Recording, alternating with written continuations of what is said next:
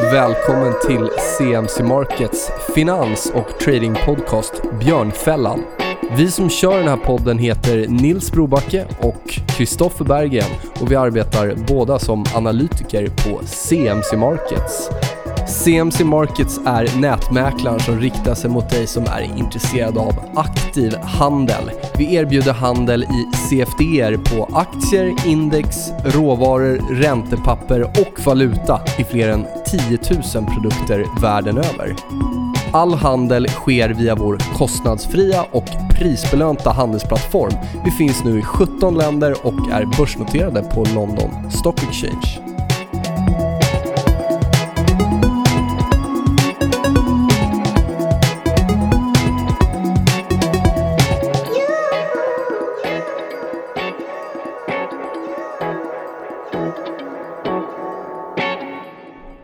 Avsnitt 52 av vår podd Björnfällan är på gång. Det är alltså det sista avsnittet för i vår. Och vi tar en liten Ja, sommarpaus. Ja. Mm. Vad pratar vi om idag, KB? Vi ska summera, följa ja, upp. vi kommer väl prata lite marknadsläge. Sen kommer vi prata lite mer om det här med eh, vad som händer om volatiliteten kommer igång igen. Vi pratade om det eh, för några avsnitt sen. Det här med VIX-smällen. Just det, steg ett skedde i februari. Har vi ett steg två? Ja, Kanske. eh, exakt. Vi kommer prata lite e-sport. Eh, och vi kommer prata om det här med att gå kort marknaden. Mm, exakt. Ja, men då drar vi igång eh, och kör en liten marknadsuppdatering då. Och som ni vet, ni som har följt oss, så kommer det bli lite TA-nivåer och sådär, men det är intressant. Yes, ett marknadssvep här i podden då. S&P svagt juni här. Vi har handlat ner ganska ordentligt. Väldigt intressanta nivåer nu och precis innan jag gick in här så, så kom det faktiskt in ordentligt med köpare här. Och det är den här 2700 nivån eh, som jag sitter och kollar på i S&P. Det är en nivå som har agerat skiljelinje på nedsidan eh, flertal gånger om vi kollar, eh, blickar tillbaka lite då. Så håller 2700 ihop så tycker jag fortfarande det ser bullish ut. Hoppar vi över på OMX, vårt svenska index, så har den varit egentligen svag sedan mitten av maj.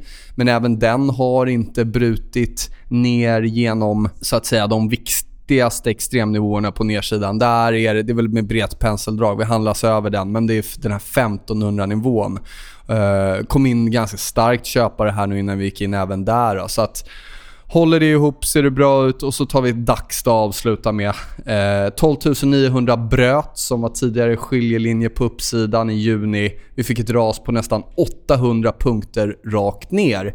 Eh, väldigt likt sentiment som det har varit i början av året. Det vill säga att vi har varit alldeles för många långa för att vi, vi ska kunna göra den här tryckan upp. Då. Vi har legat på nästan 70-80% här nu i juni. Eh, alltså lång versus kort om jag kollar retail sentiment. Men nu börjar vi faktiskt vända över här lite efter eh, 800 punkter ner. Eh, innan vi gick in här tror jag DAXen rallade nästan 300 punkter på en timme.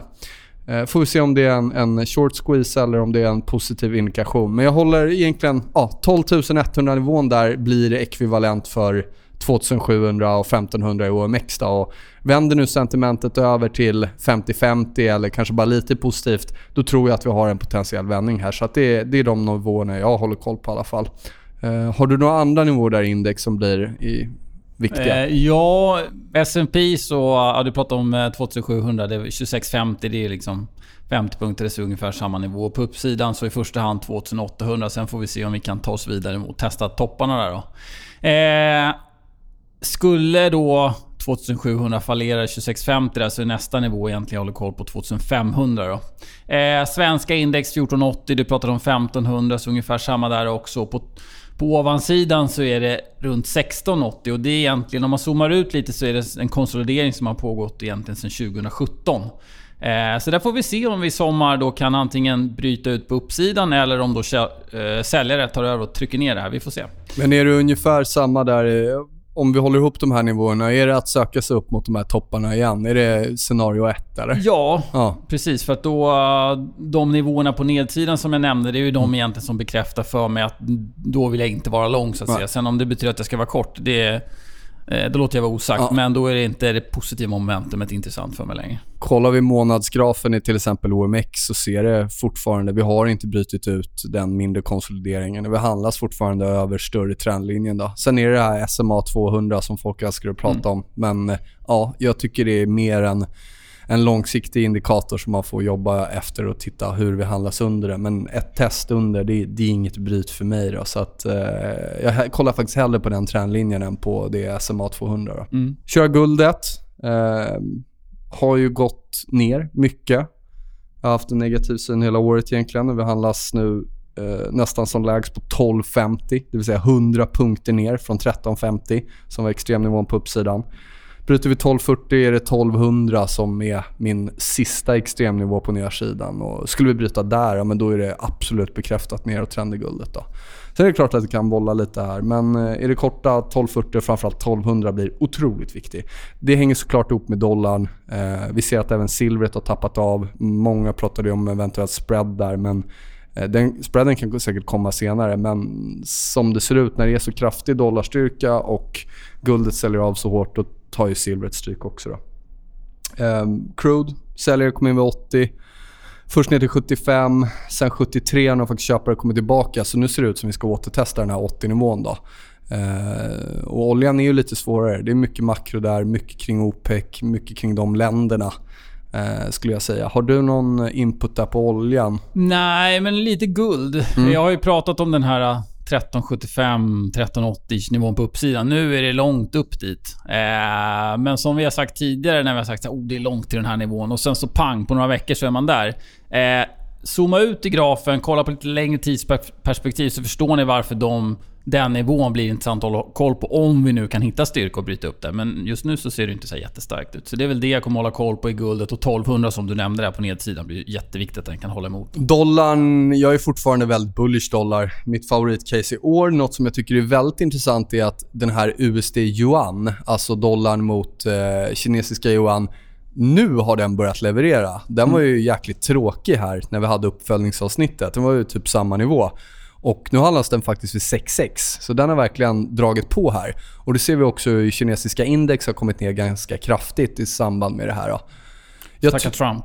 Ja, exakt. Eh, tekniskt så började den ju para upp sig det här mm. redan tidigt i våras. Så att, eh, ja, nu återstår, ja, vad, vad hönan, vad ägget? Men, men eh, nu är vi uppe vid väldigt viktiga nivåer i USD eh, yuan. Och eh, det ser inte ut som vi ska dra den här 6,6 nivån i Eh, i första försöket i alla fall. Ehm, även SEK nu uppe och hamrar på ett viktigt, viktigt motstånd.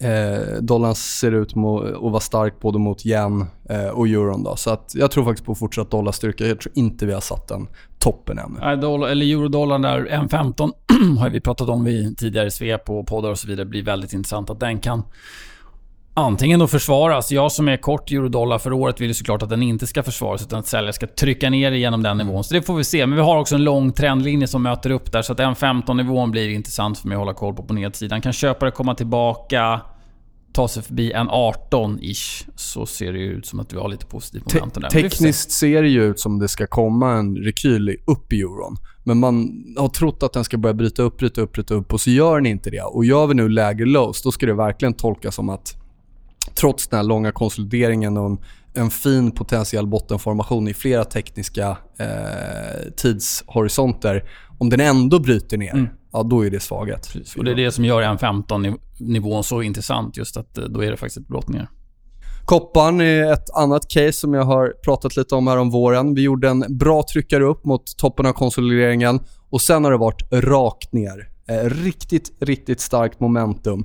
Och vi är faktiskt nere vid den här 300-nivån. Min skiljelinje på nedsidan eh, Bryter vi igenom här starkt, då det all bets are off. Då ser det snarare väldigt svag, svagt ut. Men jag gillar den här momentumet i rörelsen. Det har gått väldigt, väldigt snabbt och det här är en typisk urblåsningrörelse om vi nu har etablerat oss ovanför 300. Så sätter vi en botten här och börjar handla upp Eh, då är det ännu bättre risk-reward på det här caset just nu än att ta den uppe eh, vid konsolideringstaket. Då. Eh, så håll koll på koppan. Jättespännande nivå. 300, skiljelinje. Lika viktig sälj som köpindikation beroende på hur vi agerar här. Då. Så att, ja, spännande nivå i koppan. USAs tioåring har faktiskt börjat para upp sig eh, ganska, eller lite läskigt skulle jag nog säga, tycker jag. Vi pratade här med Sean och Ulf sist eh, om USAs tioåring just att månadsgrafen eh, binds ihop väldigt, väldigt snyggt med eh, två rätt stökiga tidsperioder, 99 och eh, 2007. Ja. ja. Och vi börjar faktiskt få en vändning där och då kollar jag på indexet. Så kollar man på räntan så är det att vi har börjat toppa ur vid 3%. Mm. Och indexet jag kollar på är att vi har bottnat ur vid 120. Då. Och sätter vi nu en botten här, ja, men då kan vi gå ganska snabbt upp till 124. Och det är definitivt risk-off för mig om det kommer en sån rörelse. Ska vi börja eh, ner i räntan då? Eh, däremot får vi se hur det agerar här nu. Det har ju varit ändå ganska sidledes. Men zoomar man ut så, så börjar det formera sig för en stor botten där. Och så HYG, High Yield Corporate Bond Index, sista indikatorn som jag gillar att kolla på. Vi handlas fortfarande under 86, men det är en tight konsolidering hela året och vi ligger och nosar på den nivån. Så det är skiljelinjen för mig. Bryter vi upp över 86, risk on. Eh, håller vi oss under och börjar bryta ner härifrån, risk off. Ja, den är intressant. Tioåringen och bonden är också intressanta för att de, med tanke på nu fokus kring räntor och vad som händer om räntan blir för hög i USA och så vidare gör att många håller koll på just hur obligationsräntorna rör sig. Och nu kollar vi då på priset snarare än själva yielden. Då. Men eh, nej, håll koll på stora rörelser och om viktiga nivåer bryts i de här. För det kan verkligen vara tecken på risk on, risk off.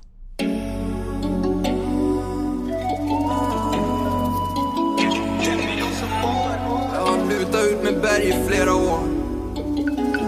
Jag tror inte de förstår.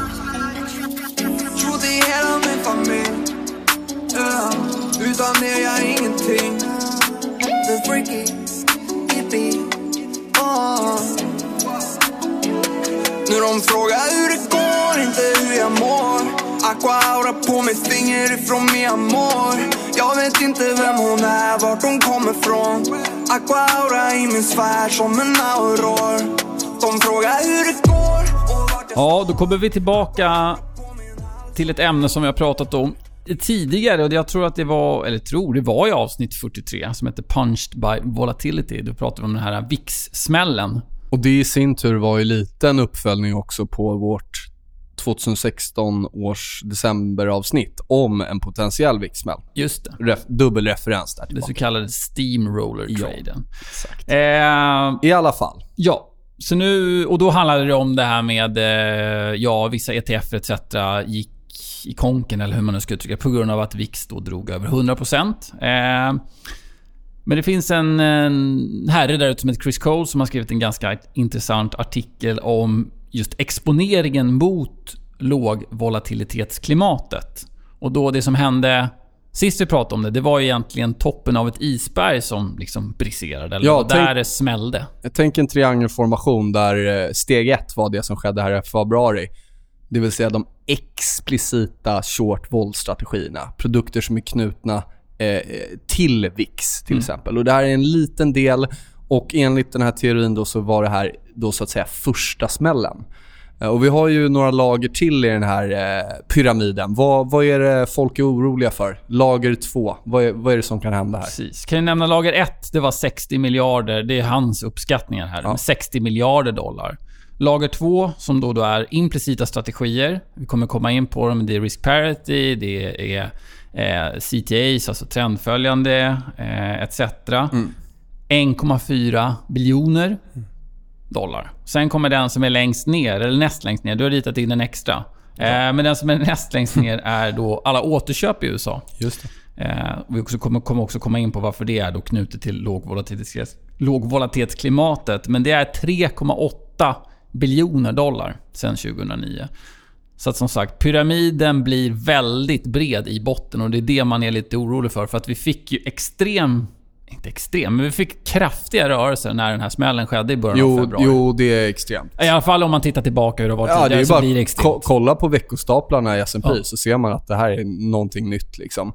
Och, och, risken, är, eller det man är rädd för då, det är att om, det här, om den lilla första delen triggade ett sånt här stort ras vad fan händer när, eller om det andra smäller?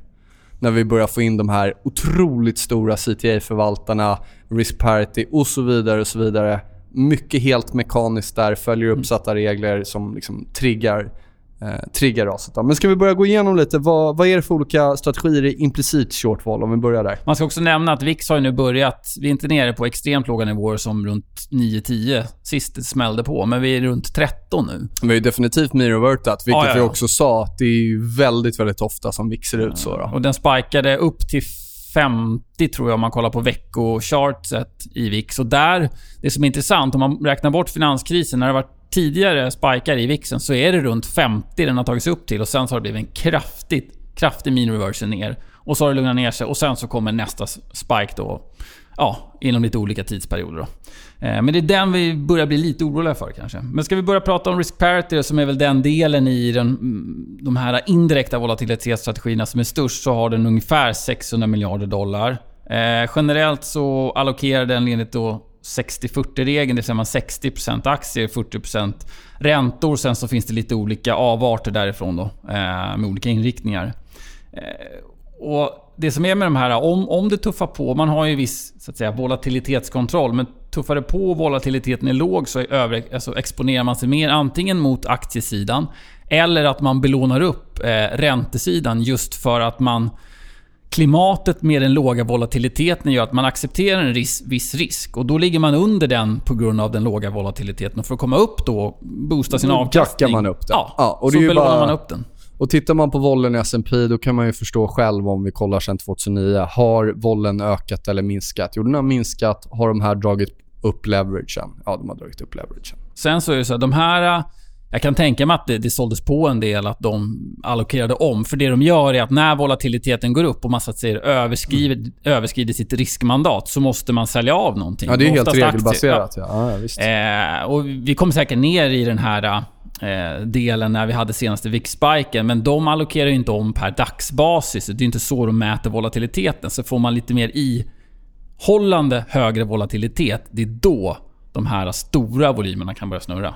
Sen nästa del är något som kallas riskpremie. Vi ska inte gå in så djupt på det, men det är typ smart beta som ni säkert hört talas om. Man kombinerar olika typer av strategier. Värde, momentum, utdelningsbolag och så vidare. Sen har vi något som kallas för volatility targeting. Det är att man sätter specifika volatilitetsmål. Det har att göra med den här risk parity som vi pratar om också. Eh, samma sak där. Är det låg volatilitet, ja men då kan man dra på sig större exponering i relation till om det blir hög volatilitet. Går volatiliteten upp så måste man sälja av för att liksom ha koll på risken. Hoppar vi på CTA så trendföljande. Tittar vi vår, vårt svenska flaggskepp Lynx så åkte de på nästan 10% ner där på två Mm. dagar. Jag är faktiskt lite tveksam till om det endast är en trendföljande strategi de håller på med. För de tappade ganska mycket mer än många andra. Eh, och framförallt några renodlade hardcore trendföljande som faktiskt gick upp de dagarna. Nu vet jag att det breda indexet var ner. Jag tror eh, att många av de här gigantiska CTAsen som Lynx, Vinton, Transtrend och så vidare, de som utgör det här indexet, de kör inte bara trendföljande längre utan eh, att de tog en så stort tapp innebär att de måste ha hållit på med risk parity och short vol Mm. och så vidare. Då. Så det är klart att en trendföljare kan förlora en så kraftig vändning men den, den ska inte förlora på det sättet. Sen blir de ju mycket allokerade till aktier med tanke på hur det har sett ut senaste åren. De följer Absolut. den trenden som har varit. Absolut. Eftersom det inte har varit så skakigt så har det liksom bara varit att tanka på det. Men Ja, och, och, och det jag menar på är att om man nu ska ha en trendföljande i portföljen som ett downside protection, vilket jag tycker är det enda man ska ha det till för att uh, annars är det inte fantastisk produkt att ligga med. Men om ett riktigt downside protection, då vill man ju inte ha en trendföljande som tappar 10% på två dagar när det smäller i equity-marknaden. Jag hade i så fall tittat mot en trendföljare som faktiskt levererar i de kaosiga situationerna. Det är ett downside protection för mig. Och om vi bara tar CTA och trendföljande, gigantiskt stor förvaltningskategori, hur mycket pengar som helst. Samma sak där, helt regelbaserat. Så börjar de här trenderna vända om, då är de helt oemotionella. Då är det, eh, istället för att ha stått på köpsidan som man har gjort de senaste åren så kommer man stå på säljsidan. Då. Så att eh, det, här, det här är man ju såklart rädd för i kombination med det här risk parity som du pratar om. Att får vi även CTA-flödena, trendföljande, som börjar gå kort och sådär, då eh, kan det gå extremt snabbt. De är ju, nackdelen med dem är att de är långsamma. Alltså det kräv, de vill ju ha trender, inte Ja, men som vi pratade om, S&P gick liksom ner 9%, upp 7%, ner 7%, upp Nej, på en då är det ju vecka. alltså, det blir ju bara fel för den typen av strategier. Och det måste man också förstå om man gör en investering i den typen av strategi. Men att Lynx då till exempel tappar 10%, ganska anmärkningsvärt.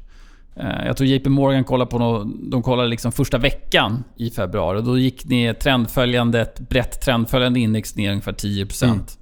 Eh, Jag tror ju att det indexet är... Då kollar man på väldigt stora trendföljare som Ja. också gör andra grejer. Eh, tror jag. Sen kommer vi in på den här största delen i pyramiden. Eh, och Det är det här återköpet av aktier. Och framförallt så är det i USA då såklart. Där har det varit väldigt stort, som jag nämnde, sen finanskrisen. Och det är egentligen, kan man tänka, vad har återköp med volatiliteten på marknaden att göra? Men Fed bland annat har ju bidragit till den extremt låga volatiliteten på marknaden genom sina stödköp, genom sina obligationer och så vidare. Företag återköper generellt när det dippar lite på marknaden. Eh, vilket gör att vid varje dipp som har varit så har det kommit in lite återköp. Nu ska man ju nämna att det är inte alla företag som återköper aktier. Men det finns ändå liksom en liten kudde där som ligger och stöttar. Centralbankernas agerande blir ju liksom som en extra lager i... Du sa att jag hade ritat till en del i den här. Mm. Och det, det var centralbankerna ritade in längst ner. För det är, de är ju också short vol med tanke på hur man har agerat penningpolitiskt. Och framförallt så har man ju ingen tidshorisont på det. Alltså man är ju så att säga obegränsad bankbok och, och sådär. Så att eh, det är klart att det, det har ju också tricklat ner i de här återköpen då, så att säga. Och varför är återköpen så himla roligt som företagen tycker? Dels så gynnar det såklart ledarna eftersom återköper du aktier så krävs det mindre effort för att hålla samma vinst per aktie. Egentligen. Eh, sen finns det en oro för att återköpen inte bidrar med att bolagen liksom utvecklar verksamheten. Men det är Eh, väl, det är, för då lägger man ju inte de pengarna på att utväxla. Nej, utan man lägger pengarna på att köpa tillbaka aktier Ja. istället för Och då... kanske till och med lånar. Ja, Ja. exakt. Vissa bolag har ju börjat låna för att köpa tillbaka. Eh, just angående belåning, eller liksom andelen som lånar, så ligger vi på ungefär samma nivåer som vi gjorde 00 och eh, 08. 08-nivån har vi pa- passerat. Eh, om det betyder krasch eller ej, ingen aning. Men vi har kommit upp på ja, ganska stretchade nivåer i form av liksom hur stor del av återköpen som finansieras med skuld. Um, Goldman Sachs kom fram till, eller har kommit fram till att ungefär 27% av all kassa som man bolagen har kommer läggas på eh, liksom utveckling eller återinvestering av verksamheten snarare än återköp. Kan man tänka, är det mycket eller lite? Ja, det är den lägsta nivån sen man började mäta, sen 1990. I pengamässigt är det mycket såklart för bolagen har växt och så vidare. Men som andel av den totala kassan så är det absolut lägsta nivån. Vilket inte är positivt för bo- bolagens utveckling. Eh, Du hade tittat lite på hur EPS-ration påverkas också eh, när de här återköpen trappas ner. Vad, vad kan vi förvänta oss? Precis. Alltså sen... Oh, det här? 2010 ungefär så har andelen aktier där ute sjunkit ganska kraftigt. Och Det här är då om man tittar på den amerikanska marknaden. Men vinsten så att säga på den totala bulken aktier har inte stigit nämnvärt. Men om... Egentligen borde det vara att den borde egentligen stiga i samma takt som, som andelen aktier sjunker. Givet att, så att säga, de har si, samma tillväxttakt. Men det har den absolut inte gjort. Utan den är precis marginellt högre gentemot, ja egentligen för, vad blir det här, 2014. Eh, vilket är alarmerande på grund av att när återköpen slutar så finns det ingenting som boostar vinsten per aktie. Utan då är det egentligen bara bolagens egen förmåga att generera vinst som kommer styra vinst per aktie. Inte bolagens förmåga att minska andelen aktier för att boosta vinsten per aktie. Så det får vi se hur det blir. Jag vet inte. Eh, men det är ändå en oroande trend. The first cracks in Skilling's public image appeared in a conference call with analysts in April 2001. And then Jeff Skilling uh, took questions. And uh, about midway through the session, uh, there was a questioner who was sort of aggressively wondering out loud why it was that Enron, as a financial services company in effect, could not release a balance sheet with its earnings statement like most financial institutions do. You're the only financial institution that can't produce a balance sheet or a cash flow statement with their earnings. Well, you, you, you, Well, uh, thank you very much. We appreciate. Appreciate it. Kristoffer, Ja, Nils. det här Tesla, har du hört talas om det företaget? Känner igen det. Det är Det, tydligen- ringer en klocka. Ja, det är tydligen nya Enron. Okej. Det vill säga en stor scam och man ska blanka det och det kommer gå till noll. Det här har jag läst på Twitter, i diverse finansmedia och ja, generellt sett förvaltare, analytiker och så vidare. Ska vi ta rygg på det här tycker du? Jag vet inte. Nej. För de som har kortat Tesla de senaste veckorna har tagit lite drygt 35% eh, åt fel håll. Då. Eh, varför drar jag den här parallellen? Eh, det här lilla skämtet. Jo, eh, jag var med och pratade om Tesla Eh, i DI-TV för ett par veckor sedan. Och vi handlades just runt en nivå om 290 US-dollar. Hela mitt scenario egentligen, jag har ingen aning om vad som kommer hända om Tesla om ett, två eller tre år. Eh, men när sentimentet är så otroligt negativt, som jag sa, förvaltare, twittrare, småsparare, ja, alla kändes väldigt bearish till Tesla, i alla fall på kort sikt. Och den ändå inte handlas ner, då är det för mig en, en väldigt stark indikation. Och eh, ja, vad hände sen? Vi fick en spike upp till nästan 365 dollar. Då. Nu har vi kommit ner lite. Jag tror fortfarande om vi försvarar 330 att eh, vi absolut kan ta oss vidare uppåt. Men det är ointressant. Vad vill jag ha fram med det här, hela det här resonemanget? Jo, att korta en aktie på grund av fundamentala anledningar kan bli väldigt, väldigt dyrt. Och framförallt om man kortar aktien som en kortsiktig trade. Ja. Och framförallt om man använder hävstång. Ja. Vi ska alltså prata om det här med att blanka Ja. aktier. Självklart ska man blanka eh, om man hittar intressanta case. Det är inte det jag sitter och pratar om. Man behöver inte vara long only bias. Men det är några saker vi ska tänka på. Det är många som har gått i fällan att blanka bolag som ska gå i putten. Eh, jag tror du har några exempel. Men 99 vet jag att det var många som torskade på att blanka Ericsson. Eh, och Det finns andra exempel också. Jag tror att eh, om jag bara skulle få göra en högst liksom guesstimate så skulle jag nog säga att de flesta retail tradersna som har förlorat mycket pengar har gjort det på korta diverse index. Då. Eh, Det brukar vara en, ri- en riktig sån eh, squeezare för många. Jag tror inte man ska. Ska man blanka, alltså man får verkligen skilja på kort eller lång sikt. Eh, för att det styr ju väldigt mycket hur man hanterar position. Det gör det när man köper också, men jag tror att blankningen så blir det ännu mer, än viktigare. Eh, just för att, ja, som du var inne på, man kan blanka Tesla på lång sikt för att man tror att det är bara ett, liksom ett korthus som ska fallera och så vidare. Men då måste man ju också kunna hantera att det blir en ordentlig short squeeze och de får då 35, 40, 50, 60, 70% åt helt fel håll. Exakt. Du kan ha hur rätt som helst, men du måste ju ha det utrymmet då för att ta en sån mo- eh, en rörelse emot dig. Då.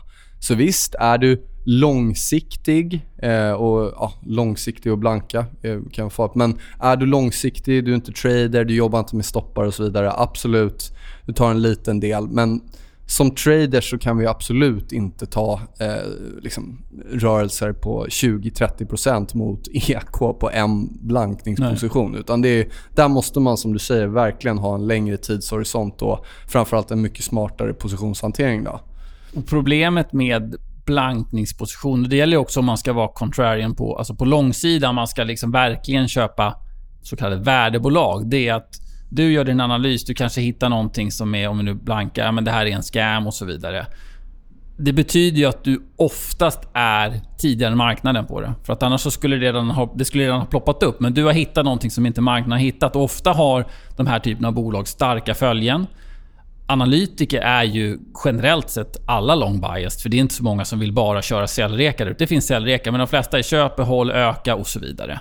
Eh, Så att du har ju liksom den stora massan emot dig från början. Och Sen så kommer du, lilla du där och sen så säger du att Nej, men det här bolaget ska gå i konken. Och så tar du en trade på det. Du, så att säga, från början har du marknaden emot dig. Det är bara att ta Fingerprint som ett exempel. Alltså den håsen som är kring ett bolag som man tror ska gå i, som det gick. Det är svårt att stå emot om man inte är extremt övertygad. Ja, och nu vet ju all, nu var ju alla bearish Fingerprint vid 110 liksom. Alla kan dra det callet idag, men det var jäkla många bearish calls från 30 spänn, 40 spänn, 50 spänn, 60 spänn, 70 spänn, 80 spänn, 90 spänn. Ja, du hade rätt liksom över en treårsperiod, men har du börjat korta på 40 spänn, då, då spelar det inte så stor roll. Eh, Då handlar det mer om att skrika varg tills man får rätt. Och sen för varje gång en short måste ta sin stopploss så kommer det driva på kursen ytterligare. Då. Så det är ofta så att det kan ske väldigt kraftiga short squeeze i de här typerna av bolag som egentligen kanske inte ens drivs av eh, något positivt överhuvudtaget. Utan det enda det drivs av är att korta positioner måste ta sina stopplossar och köpa tillbaka. Vi har ju en eh, legendarisk herre som heter Jim Chanos som vi kommer att prata om alldeles strax. Han låg ju fel i Valiant, som då en annan hedgefonds människa låg väldigt lång i. Då Bill Ackman och var liksom, han snittade ner sig gigantiskt. Men innan den traden gick rätt för då Chanos, som är en legendarisk blankare sedan 80-talet, så gick den 100% emot honom. Alltså den gick upp 100% från det att han började korta. Exakt. Då har vi en av världens bästa short sellers i ett av kanske de större skandalerna som har varit på senare år. Får man säga. Och ändå så får han ta den rörelsen med 100% åt fel håll. Då måste vi börja förstå hur små positioner han jobbar med där och hur Ja. långsiktig han är. Precis. Och då är det verkligen ha en extrem tro på det caset, men fortfarande, det var inte så att den utgjorde 20% av portföljen. Jag tror han har maximal risk, jag har läst någonstans på 3% i varje position. Så Han har förmodligen skalat in eller liknande, men fortfarande, den typen av mentala rörelser måste man kunna hantera. Big Short-filmen, Ja. Det var rätt svettigt. Även om de hade rätt inom situationstecken, allt var på deras sida, det borde gått ner. Eh, men kommer inte rörelsen i, i, i, liksom, i rätt tid eller hinner den inte komma, men då kan man till och med bli helt eh, utställd där. Alltså du har ju dels du har ju kostnaden för att ligga kort i många av de här produkterna som kan vara väldigt hög. Då. Så att nej, det är tufft. Han låg väl på golvet där, nu vet, vet jag inte vad han heter i filmen, men han, eh, Christian Bale och liksom. Det, var, det var gjort som så att det var typ hans sista dag i, i livet och då vände det. Eh, nej, men jag tror att faktiskt lite av den känslan, om man ska vara en riktig, så att säga, short seller, så är, kommer man nog få uppleva det x antal gånger. Och det jobbiga med, alltså det är ju generellt för contrarians, men det jobbiga med att ha eh, så att säga sentimentet emot sig eh, också då. Nu förvisso så, eh, om vi tar Tesla som igen, där har ju nästan sentimentet känns som att det har varit superkort. Så att där får man ju titta lite på också då såklart. Men generellt sett, om du har hittat en bra blankningskandidat, då ska ju de flesta säga emot dig. Och Ja. säga att det här, det här stämmer inte alls. Vad, vad snackar du om? Och antagligen kommer du få ta lite i fel riktning också. Precis.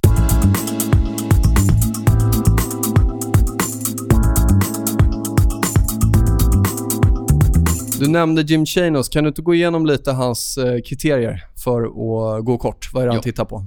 Jag tror, eh, nu är han som sagt den mest kända av dem, men jag tror att eh, liksom i runt de här kriterierna ligger nog de, de flesta vad gäller bolag de letar efter. Dels så är det här bombast grejen han tittar på, det vill säga kreditdrivet. Alltså skulden trycks upp och sen så går inte skulden att hantera. Liksom, bolagen kan inte egentligen... Det de skuldsätter sig för kan inte till slut finansiera skulden och sen så går det med putten. Så det är det han letar efter. Sen också teknikutvecklingen och liksom offer på vägen. Bolag som konkurreras ut av teknikutvecklingen, bolag som tappar eh, ja, men tappar sin styrka, tappar sin edge på grund av eh, teknikrevolutionen. Eh, bolag som egentligen bara har en produkt som då kanske ska revolutionera marknaden. Det är egentligen som prissätts utifrån att då du och jag ska ha fem stycken av den här produkten för att det ska vara lönsamt. Oftast så är det liksom eh, en one trick pony. Det, det håller inte i längden.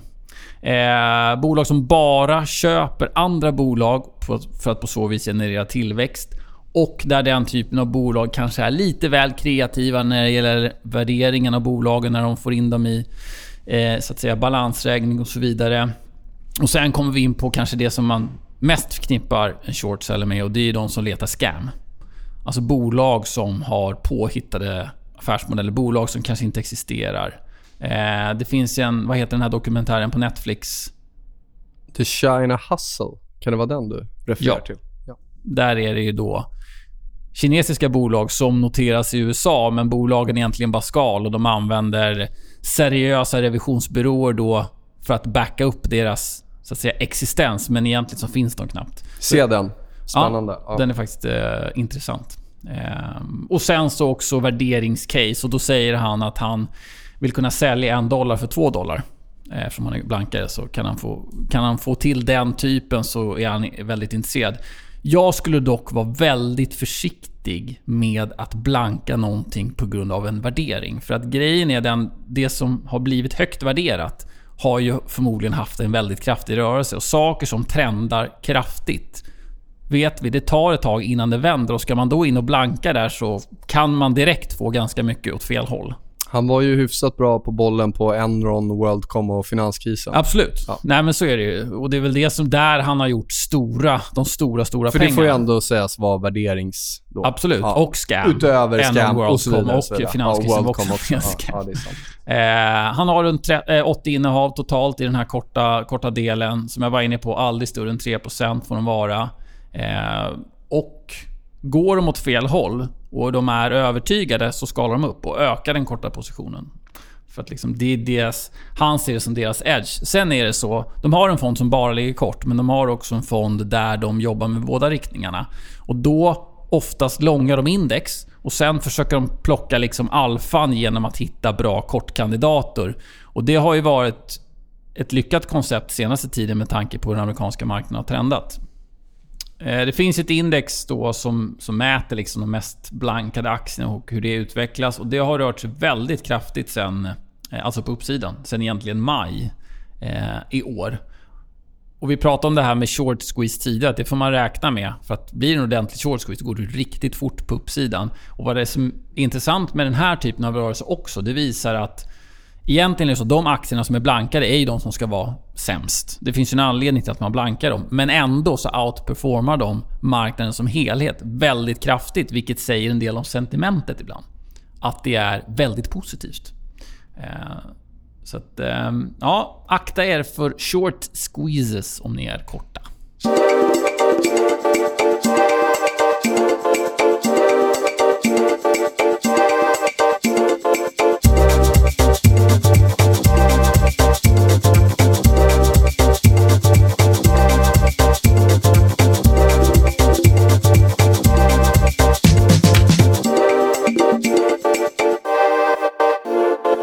Då ska vi prata lite om eh, e-sport kort här mot slutet av det här avsnittet. Vi tog upp det och gaming, bland annat då i avsnitt 22.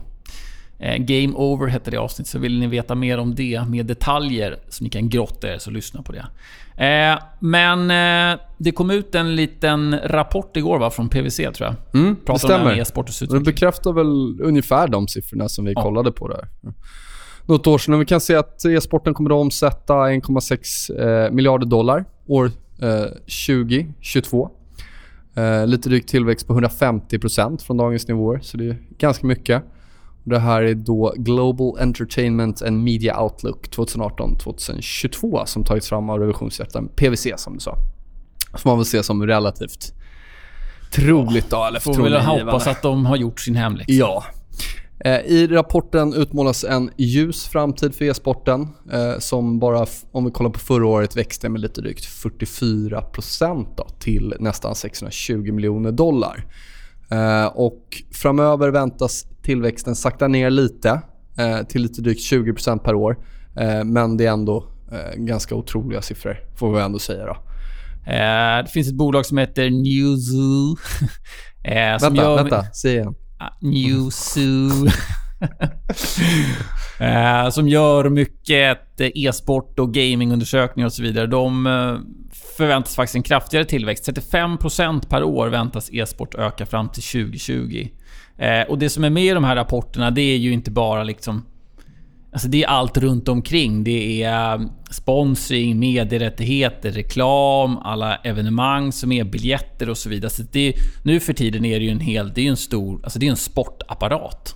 Ja, alltså det är ju en underhållningssegment och kanske den liksom mest intressanta Eh, idag fyller ju eh, sportarenor liksom e- e-sport-events, men fotbollsmatcher gör det inte. Konserter gör det inte. Nej. Så att det, det kan man ju ha med sig liksom. Precis. Och de här Newser och den rapporten, då förväntar man sig att eh, omsättningen ska öka med ungefär 35% per år fram till 2020 och landa på 1,4 eh, miljarder dollar. Eh, så det är ganska bra tryck i e-sportsvärlden nu för tiden. Kul att se att vi har svenska MTG som har varit duktiga Ja. där. De kör ju liksom ESL content har globalt. DreamHank och så vidare. Så att det är... Ja, det, och vi, vi är generellt ganska duktiga på det här i Sverige, får man Mm. väl ändå säga. Ganska långt fram. Eh, Det som är intressant med det här med e-sport, det pratade vi om sist i podden, det är hur låg intjäningen är per användare idag om man jämför med andra sporter. Eh, 2017 landade den på 3,6 dollar ungefär. Eh, den väntas stiga till 5,2 2020. Det är en tredjedel av vad liksom, en unik användare i basket genererar intjäning och en tolftedel av vad den genererar eh, när det gäller NFL. NFL är ju den största, det här är ju amerikansk undersökning då. Vilket är, det är extremt låga nivåer. Förstår man bara kan få upp det här lite, så att man kommer i närheten av vad mycket man skulle öka intjäningen Absolut. relaterat till e-sport. Och det blir lite annorlunda för du har ju... Det blir ju svårt av, eh, att jämföra liksom tit for tat. Det blir inte riktigt... Du har ju helt andra skalfördelar i e-sport om Mm. du liksom kan. Men som du säger, kan du öka den intjäningen då har du ju eh, ja, dubbelt så bra, så att säga. Och jag vet inte, man... Jo, men jag tror att de flesta, om man frågar någon som inte är insatt i e-sport, så här, hur ser den typiska e-sportaren ut? Så tänker man kanske någon som är 15 och ja, sitter för mycket framför datorn. Men grejen är att nu är det här siffror från 2015. Men alltså tittar man på mellan de som är mellan 21 och 35, då är det 37% är i den kategorin. 11% är mellan 36 och 50 på eh, här sidan. Vilket är också otroligt mycket köpstarkare grupper. Ja. Och de, de här växer ju. Alltså de blir ju äldre. Ja, ja, och, exakt. Ja, så att det är ju... Nej, det är väldigt spännande. Och en grej som inte är med när man tittar på storleken på själva businessen, det är bettingen som är kopplad till då eventuellt e-sport eller andra typer av, eh, av idrotter. Om vi nu tar NFL som jämförelse igen. NFLs, vad ska vi säga, om man tittar på helheten så var det 13 miljarder dollar 2016. Betting, och de har ju något som kallas för fantasy football i USA som är väldigt stort, eh, var 50 miljarder dollar. Så att fyra, fyra och en halv gånger så stor var själva bettingdelen. Förstår du om man kan få igång bettingen på e-sport? Det är lite som derivatmarknaden. Det är helt fantastiskt. Ja, nej men eh, vi har inte, har inte hört det sista om game och e-sport. Vi kanske gör något specialavsnitt här i, i efter sommaren kring det.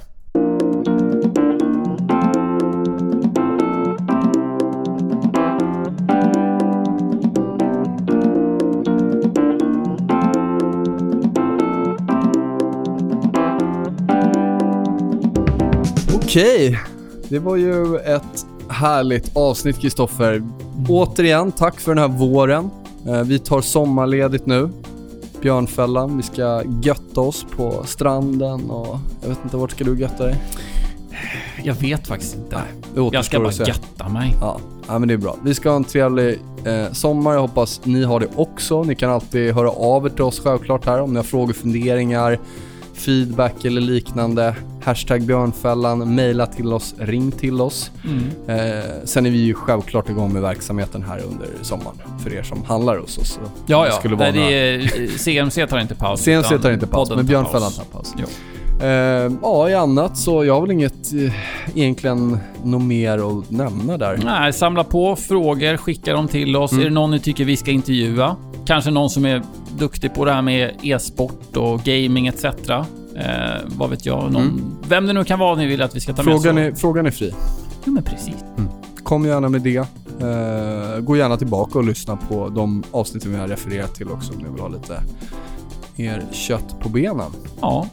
Tackar vi för vårens alla lyssningar och eh, ser fram emot ett fantast en fantastisk höst.